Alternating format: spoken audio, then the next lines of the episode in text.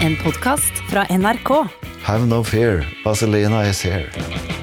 Markeringa av Vazelina Bilepuggers sitt 40-årsjubileum blir annerledes enn folk tror. Billig brennevin.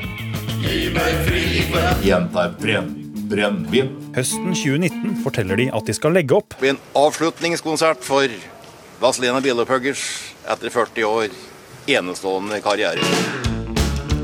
Avslutningskonserten i Oslo Spektrum blir utsolgt på tre minutter. Og det overrasker alle, inkludert dem sjøl. Elda ringte meg første gangen jeg opplevde at han nesten ikke klarte å prate. Hvorfor er Vazelina Bilepuggers så populære blant både unge og gamle? spiller jo Vazelina både på vorspiel og nachspiel. Så det Det var tullinger som skulle prøve å se litt tøffe ut. Det har vært nedturer, Så Jeg havna faktisk på Nav på Gjøvik. rett og slett. og nypremiere på terningkast 1. Jeg måtte bare gi meg, og det var jo et helvete. og oppturer. Og burningen, da. Selvfølgelig tvers over alle kriser. måtte bli med inn i garderoben for en annen whisky jeg skal drikke opp.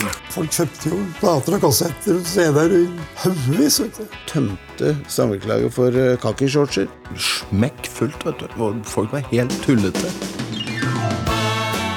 Rune fikk jo surfbratt i nakken og ble drept. Vi hadde jo en følelse av at dette fungerte. Det var et eventyr å være med på. Jeg heter Audun Kristiansen.